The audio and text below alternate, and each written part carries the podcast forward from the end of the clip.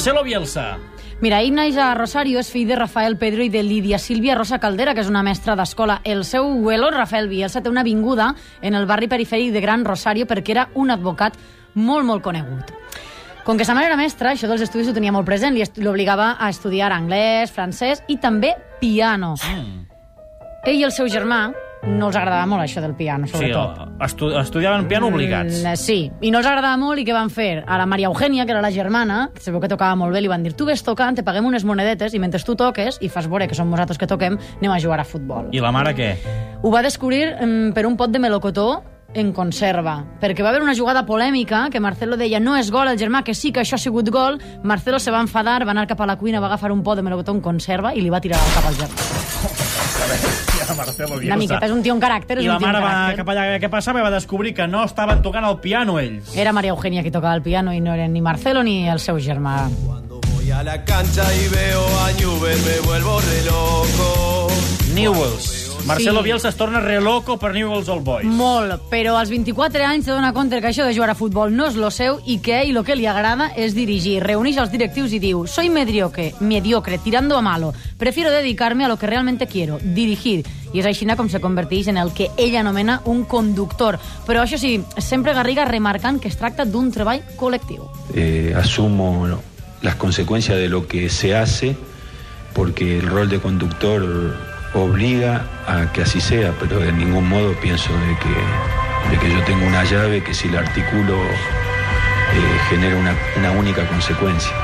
Es un juego colectivo donde el azar interviene y donde los que ejecutan son los verdaderos dueños. Són los verdaderos dueños, los Quin que to més alt que fa servir Marcelo Bielsa Sí, sí, habitualment. sí, eh? es un entrenador de frases d'aquelles célebres. eh? Por ejemplo, va a decir, un entrenador no es mejor por sus resultados ni por su estilo, modelo o identidad. Lo que tiene valor es la hondura del proyecto, los argumentos que lo sostienen, el desarrollo de la idea. Bé, eh, Nunca si, guanya, me- si guanya títols, millor. Eh? Si guanya Això títols, millor. Es muy idílic, Bielsa es muy idílic. Nunca me dejé tentar por los elogios. Los elogios en el fútbol son de una hipocresía absoluta.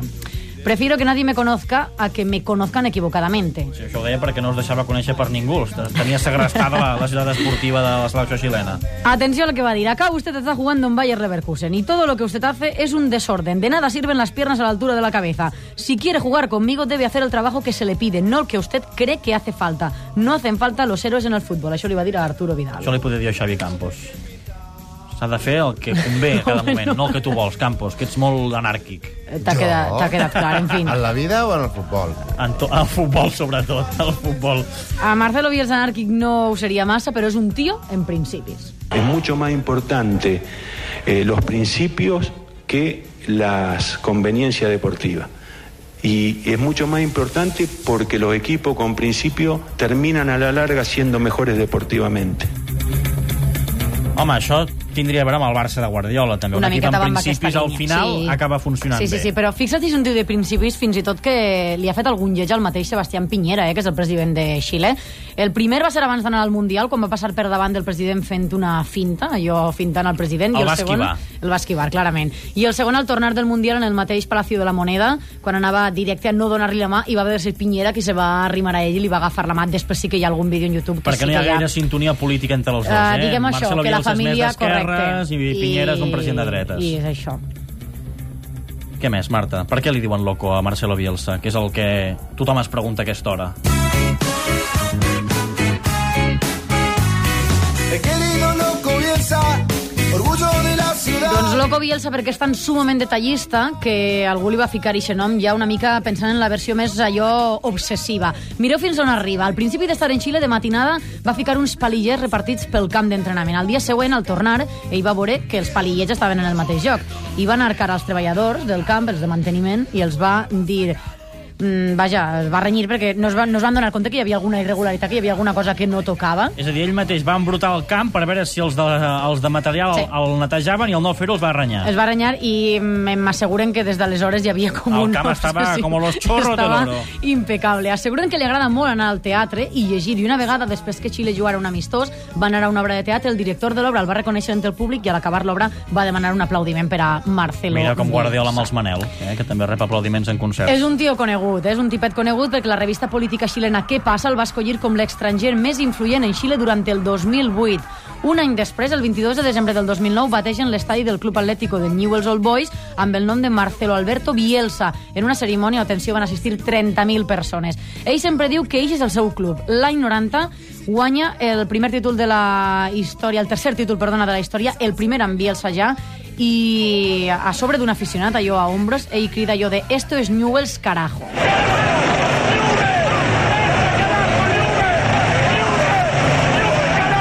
Aquest que crida és Marcelo Bielsa. Sí, una, molt més jove, molt més allò eufòric, i a l'arribar a Xile, un periodista xilè li va dir si ell, i ell podria fer lo mateix, cridar aquest crit, eh, però parlant, fent referència a Xile. Atenció a la resposta. Bueno, han pasado 20 años, y, aunque no lo crea, he madurado y tengo la antipática obligación de ser sincero. Difícilmente quiera alguna otra camiseta más que la, que la de News. Antipàtica obligació de ser sincero. I ha dit, eh, aunque parezca mentira, he madurado. Tan conegut que hi ha un grup xilè que es diu Tomo como rei que li va dedicar una cançó que es titula Dale Loco.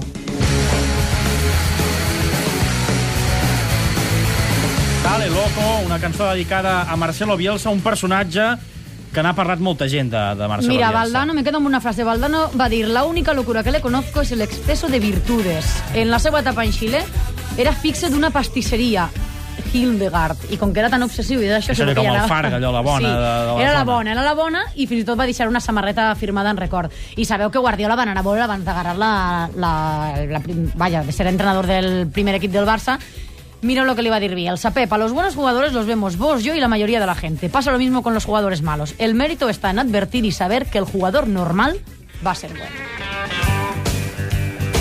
Si van estar, no sé si 8 hores o 10 hores a casa del Bielsa Rosario xerrant de futbol. Home, és que sentint aquelles declaracions, com tengo l'obligació, l'antipàtica obligació... Sí, clar, si fa totes les festes tan conversa Guardiola i ell. Però eh, la seva popularitat arriba a tant en Xile que el 21 de novembre del 2010 li dediquen un caiga quien caiga en el que era el partit de comiat contra l'Uruguai. Recordem, Marcelo Bielsa és argentí, però es va fer molt popular a Xile sense seleccionador, i se'l van estimar tant que li van fer un cague que en caiga. Bien viene profe Bielsa, Marcelo Bielsa. ¡Ay, profe! Simplemente le quiero dar la base. merece un sitio de privilegio, ¿no? Usted se merece mucho más. Mire cómo está, ¿lo No, tiene? pensar que lo tratábamos de loco. Es Fa la verdad. imatge aquella de Después, Tito después, i li el Kirda, i com que no era un mitjà esportiu no el van deixar entrar al camp, entonces li diu, tienen aquí encerrado, li fa, no tienes un sitio de privilegio, li fa la conya. N'hi ha molts més que que en caigues, eh, dedicats a Bielsa, el que passa que aquest va ser l'estrella perquè era quan deixava ja la, la selecció.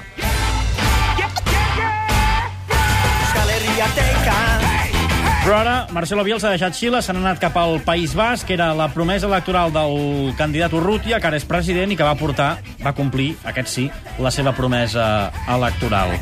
Tenim en línia José Iragorri, un home que a Ràdio Popular canta els gols de l'Atlètic d'aquesta manera. Quinto córner a favor del Atleti, forzado por eh, Toquero. Buen balón, Toquero, remate, Bacalao, Bacalao,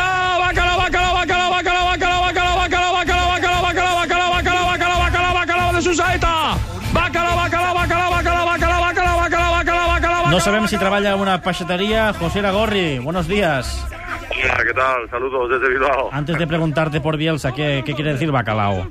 ¿Qué quiere decir Bacalao? Pues mira, esta es una seña de identidad de Radio Popular de Bilbao desde la época de los eh, títulos, ¿eh? aquellos gloriosos años 80, cuando el Atlético consiguió el doblete en la temporada 83-84. Desde entonces, el que ahora es el director de la emisora y entonces eh, narraba los partidos del Atlético, Fede Merino, pues decidió hacer un rompe y rasga, eh, ser totalmente rupturista eh, inventarse esta, esta palabra para cantar exclusivamente los goles del Atleti. El bacalao es un, es un pescado muy valorado aquí en Vizcaya y por eso se eligió precisamente este, este motivo, ¿no? Para glosar eh, los, pues los goles que marca el Atleti cada partido. Costó empezar a cantar bacalaos del equipo de Bielsa este año. Sí, está, está, la, cosa, está la cosa bien. Eh, llevamos nueve partidos sin perder. Ya sé que nuestras estadísticas y nuestros récords no se pueden comparar a los del Fútbol Club Barcelona, ¿eh? pero son nueve partidos sin perder. Para nosotros es algo importante. Ha habido partidos brillantes, otros menos brillantes, como el de ayer en Salzburgo. Que fue, bueno, pues eh, regularcito solo, ¿no? Pero el equipo ganó y ha conseguido pasar a la siguiente fase de la, de la Europa League. A falta de dos jornadas está el equipo clasificado para los 16 de final. Eso es importante para un club que ha pasado penurias no hace mucho tiempo y que ahora está orgulloso de sus jugadores porque lo dan todo en el campo, a veces con más acierto que otras, pero que se están portando muy bien a las órdenes de un loco que no es tan loco, ¿eh? No, o sea, eh, bastante. te, voy a preguntar, eh, eh, ¿os habéis dado cuenta ya de por qué le llaman el loco en estos meses que lleva en Bilbao? Yo sé que tiene manías, pero claro, es que yo aquí, es que al Atlético ha entrenado Luis Fernández durante cuatro temporadas. Claro, ya con este os curasteis de espantos. Yo, yo, ya con Luis Fernández he curado de espanto. Hemos tenido a Caparrós, que también durante cuatro años ha mostrado algunas peculiaridades, como por ejemplo, pues llevarse a la pretemporada del primer equipo a un chavalito de 14 años. Bien es cierto que luego nos ha salido buen futbolista, ¿eh? como es Iker Muniain. Eh, bueno, cada una sus rarezas. O teníamos a un tal Stepanovic que fumaba puros en el banquillo. Sí, ahora estará O- prohibido. sí, tenía además la vitola de los puros con su nombre, Dragoslav Stepanovic. Parece lo del obispo de Constantinopla, ¿no? y, y este hombre, pues en partidos que perdía la Atlético por 3-0 decía, hemos jugado nuestro mejor partido de la temporada. Digo, sí. Bueno, por Bueno. eso te quiero decir, el cambio de todo aquí en la, en la viña del Atlético. En todo caso, Bielsa ha, ha cambiado muchas cosas en, en- en Bilbao. Eh, sí, sí, y luego, pero fíjate que luego es un hombre, es especial, no sé si, si, si loco, pero es especial. Ayer eh, quitó a, a Muniain, que fue el que le dio el pase de gol, el pase de bacalao a Ander Herrera para conseguir ese tanto que le dio la Atleti la victoria en Salzburgo, y le quitó nada más comenzar la segunda parte, y luego en rueda de prensa reconoció que se había equivocado quitándole a Muniain. Dijo, es que claro, hemos, hemos generado ahí un vacío que no hemos sabido ocupar, entonces asumo mi culpa y mi error de haber quitado a Muniain porque nos hemos quedado, eso sí, un futbolista de talento para eh, seguir haciendo nuestro juego. O sea, est- estas peculiaridades que tiene Marcelo Bielsa son todas juntas lo que le dan seguramente esa denominación de, de loco. Luego sí un poquito extraño, ayer cuando llegábamos al aeropuerto de, de Vitoria, a eso de la una de la madrugada, esta madrugada, noche, Y que todavía estamos con un poquito de sueño, pues eh, todo el mundo recogiendo las maletas en la cinta de equipajes y el hombre está, con el frío que suele hacer en Vitoria, que hacía en Vitoria a esas horas de la noche, estaba dándose un paseo por ahí por la de noche, él solo, taciturno total, pensativo, reflexivo, tiene rarezas. Tiene rarezas, pero yo creo que futbolísticamente es muy cuerdo, es un loco muy cuerdo y que está cambiando el estilo de fútbol del Atleti y que está que se ha atrevido con muchas cosas que nadie ha osado tocar jamás, como es el estilo eh, tradicionalmente inglés de los Leones y hay una propuesta de juego colectivo, de juego combinativo. Yo creo que a la larga eso va a ser beneficioso porque el Atleti, eh, yo creo que Bielsa además se, se- se está mirando en el espejo del Fútbol Club Barcelona. Yo creo que es el espejo futbolístico para todo el mundo del fútbol y que quien no imite eh, esa filosofía y ese estilo de juego, luego va a estar perdido de aquí en adelante. Yo creo que el Atleti, mira, y vamos a confrontar un poco las peculiaridades del juego del Barcelona y del Atlético este domingo, pues yo insisto que el Atlético me parece muy bien que haya dado ese paso adelante y que ha sido la mano de un hombre que cree firmemente en, este, en esta filosofía del Barcelona. Oye, José, y fuera del tema más estrictamente deportivo, ¿es verdad esto de que fue a un convento de clarisas cerquita de Bilbao y que luego puso unos carteles en el banquillo en el partido y, y el cuarto árbitro le, le pidió que los quitara? ¿Esta historia es verdad? Es verdad, es verdad, no es ninguna leyenda. Este hombre es muy, muy devoto, muy creyente. Se fue con su esposa a Guernica, donde hay un convento de monjas, las monjas clarisas. Fue a hacerles una visita, se presentó de improviso. Él parece que eh, pues a, eh, un convento de las clarisas en Argentina tenía también tradición de hacer eh, regularmente visitas. Preguntó aquí dónde existía ese convento, le dijeron que en Guernica, se presentó allí, dijo, soy el entrenador del Atlético, las monjas, no es que sean de clausura, pero de fútbol andan un poquito pez.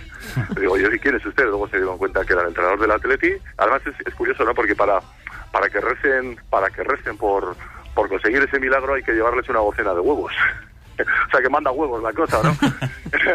y, y allí estaban ellos con su docenita de huevos que había enviado el señor Bielsa con su esposa para que el Atlético consiguiera salir de ese bache de resultados que tenía al principio. Y este hombre quiso devolverles el favor poniendo unos cartelitos en el banquillo para que las cámaras de televisión pues descubrieran el detalle y ellas viendo el partido por televisión, pues se dieron cuenta ¿eh? de que el recado iba para ellas. Pero claro, eh, este hombre no sabe que las monjas no tenían, no tienen ni televisión. No tienen Gol TV las monjas, claro, no tienen Gol TV.